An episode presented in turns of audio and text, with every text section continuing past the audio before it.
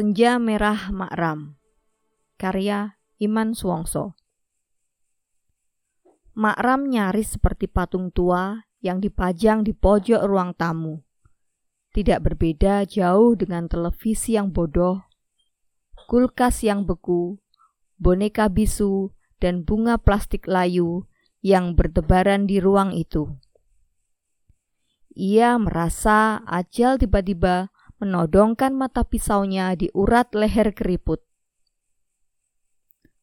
Wanita berumur 65 tahun ini baru beberapa hari berada di rumah anaknya. Ia dipindah dari rumahnya di desa yang terletak di lereng Gunung Kawi. Santoso membimbing ibunya tata cara mempergunakan peralatan yang ada di rumah. Makram tidak dengan cepat bisa memahami apa yang dikatakan anaknya. Ia hanya diam, tidak berkata apa-apa. Perempuan tua itu hanya merasa asing di rumah yang megah itu. Begini loh Bu, kalau menghidupkan televisi, tinggal pencet tombol ini, nyala sudah televisinya. Lihat, bagus kan acaranya? Tapi jangan memegang kabel yang itu nanti kesetrum. Ibu mau mencoba sendiri sekarang. Instruksi Santoso. Makra mengangguk. Kali pertama dia masih dibimbing. Jari telunjuknya dipegang Santoso, menekan tombol kemudian menggeser volume. Gampang kan? Sandi saja sudah bisa mengubah warna layarnya. Sekarang ibu mencoba sendiri ya, kata Santoso. Makra mengangguk-angguk. Ia mencoba. Nah, ia sudah bisa menghidupkan televisi sebesar almari itu. Baru kali itu, Makram melihat televisi yang gambarnya tampak besar. Waktu di desa, hanya ada televisi yang kecil. Gambarnya tidak jelas, suaranya bertumpuk-tumpuk, namun yang menonton berjubel. Televisi milik tetangganya. Sekarang ia menonton televisi sendirian. Ketika Makra menggeser volumenya, Santoso cepat-cepat mencegah. Eh bu, kalau menggeser jangan banyak-banyak. Cukup sampai angka tiga saja, suaranya terlalu keras. Makram ingin membantah anaknya, tapi ketika ia menatap wajah Santoso, matanya yang sudah sedikit kabur itu mencegah mulutnya agar tidak bicara. Tiga hari saja, Makram sudah bisa mengoperasikan seluruh peralatan. Namun, tiga hari itu juga keinginannya sudah tidak menentu. Ingin nonton, tapi bosan. Membuat segumpal es tidak menarik lagi. Ia ingin mendengarkan keroncong. Tapi Sumi, pembantu rumah tangga di situ, tidak menemukan lagu itu. Disko dangdut saja ya bu, kata Sumi. Makra menggeleng. Maunya keroncong kok. Eh Sumi, asalmu dari mana?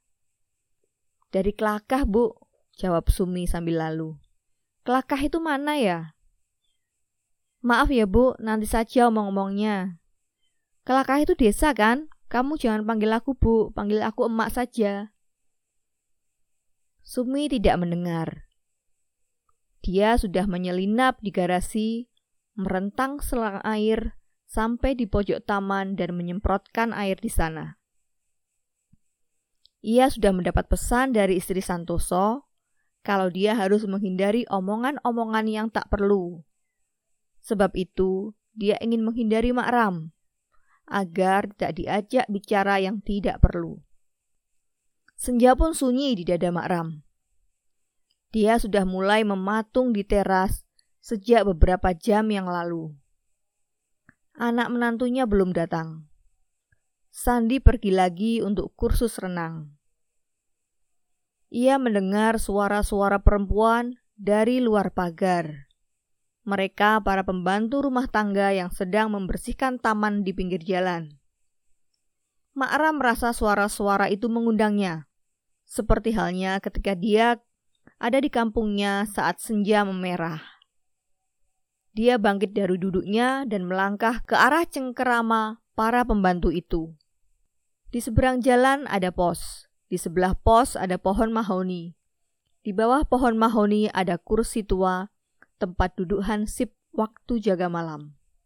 Makram duduk di bangku itu sambil memperhatikan perempuan-perempuan itu menyapu. Mereka bersaut-sahutan, mengomentari hal-hal yang tidak terlalu penting. Makram tidak melihat senja merah di jalanan yang rapi ini. Rumah-rumah itu berdiri terlalu tinggi. Antena parabola mencuat di genting-genting.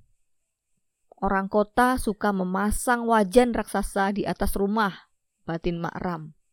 Namun, meskipun senja merah tak tertangkap sepenuhnya, semilir di dalam dadanya justru membuatnya betah di pinggir jalan.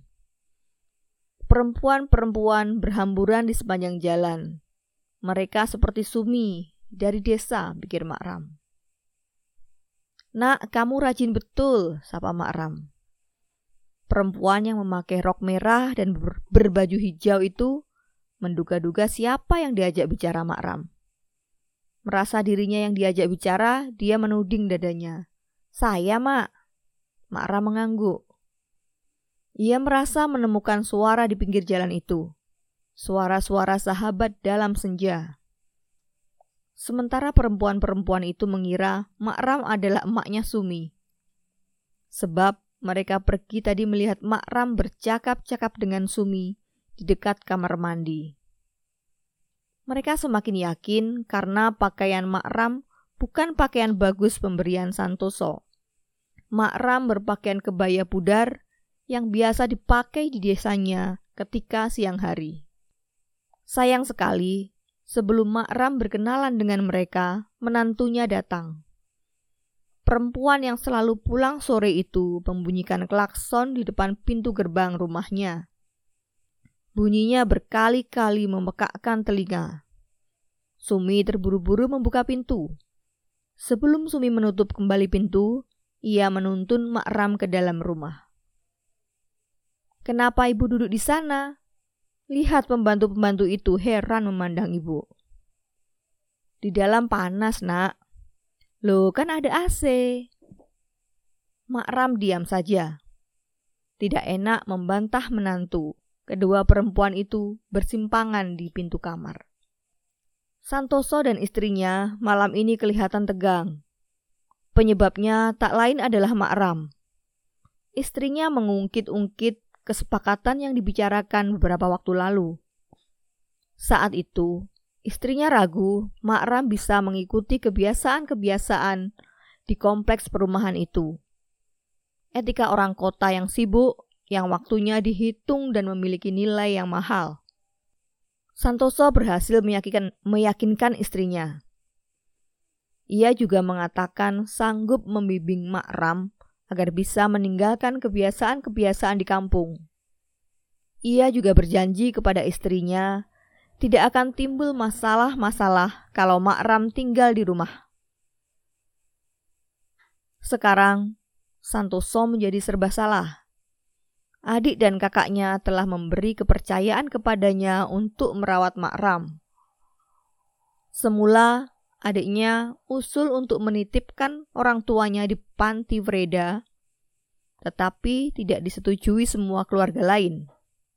Akan tetapi, kalau tetap tinggal di rumah induk di desa, sulit memantau Makram. Makram selalu punya alasan untuk keluar rumah, apalagi ketika senja tiba. Seringkali, anak perempuan yang serumah dengan Makram, yang nasibnya tidak sebaik saudara-saudaranya, kehilangan jejak makram. Ketika sudah pulang, dia bilang, dari mengunjungi teman bermainnya waktu kecil. Anak-anaknya sangat khawatir kalau Makram masih berdagang ketika keluar rumah. Sebelumnya, Makram berdagang telur keliling dari kampung ke kampung. Telur dagangannya ia wadahi keranjang dan disunggi di atas rambutnya yang sudah kelabu. Mereka khawatir Tetangga mengira anak-anaknya tidak merawat orang tuanya, terutama Santoso yang hidupnya sudah mapan. Namun, Makram sesungguhnya tidak ingin hidup di tampung anak-anaknya. Ia ingin tinggal di rumahnya sendiri, apalagi yang tinggal di luar kota. Nanti kalau mati, ingin dikubur berdampingan dengan almarhum suami. Namun karena bujukan semua anaknya, Makram akhirnya bersedia ikut Santoso. Santoso berpikir keras, bagaimana mengingatkan Makram agar mengikuti keinginan istrinya. Ia seperti tidak memiliki kesanggupan berbicara basa-basi. Ia sudah terbiasa berbicara apa adanya sesuai jalan pikiran dan perasaannya. Kebetulan sekali malam itu di TV sedang ada laporan kematian seorang yang sudah amat lanjut. Diikuti analisa perkiraan rata-rata kematian yang mencapai usia 70 tahun. Sesungguhnya umur mencapai 70 tahun itu terlalu tua ya bu. Bapak dulu meninggal umur 62 tahun, komentar Santoso. Namun sebelum masuk pada pembicaraan yang Santoso inginkan, Makra memotong. Ya kalau terlalu tua sepertiku akan merepotkan anak saja. Santoso menangkap nada marah Makram. Ia menduga Makram tersinggung karena ia membicarakan tentang kematian. Sudah aku katakan, aku tidak mau tinggal di rumah anakku, katanya mulai ketus. Santoso terdiam. Begini tidak boleh, begitu tidak boleh. Takut memalukan kan? Lebih baik bawa aku kembali ke rumah saja. Santoso diam saja. Keadaan mental orang tua semacam Makram ini sangat sulit ia atasi. Kesalahpahaman selalu akan muncul ia merasa perlu waktu untuk bicara lagi dengan Makram. Menjelang siang, telepon Santoso di kantor berdering. Sumi melapor dari rumah. Dia mengatakan Makram telah pergi membawa tas plastik berisi pakaiannya. Santoso bergegas menjemput istrinya untuk segera pulang. Sumi tidak tahu persis ke mana perginya Makram. Dia diberitahu pembantu tetangga lain kalau Makram pergi. Sebab saat itu Sumi sedang belanja ke pasar. Santoso tampak cemas. Istrinya hanya memandangi Santoso sambil menggigit bibir. Kita telepon Mas Rojo saja, Mas. Siapa tahu ibu di sana, usul istrinya. Santoso bungkam. Ia meraih kunci mobil, berkendara sambil matanya menyusuri trotoar berkali-kali menghentikan mobil, bertanya kepada tukang becak dan sopir angkot. Mereka semua memberi jawaban dengan menggelengkan kepala. Ia sudah menembus pasar, ia juga sudah menjelajahi terminal, stasiun sampai lorong-lorongnya, tak ada hasil. Tak lama setelah ia pulang dari menyusuri jalanan, ia pergi lagi. Roda mobilnya menyentuh aspal jalan ketika masjid kompleks perumahan mengumandangkan azan asyar. Santoso menancap pedal gas kencang-kencang dalam dua jam perjalanan.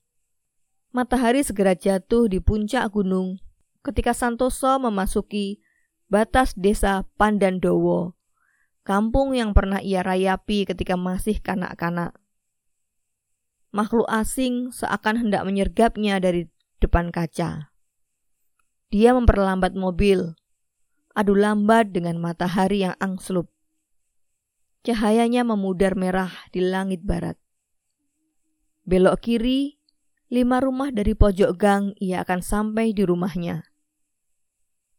Namun di pojok jalan itu, Santoso menghentikan mobilnya.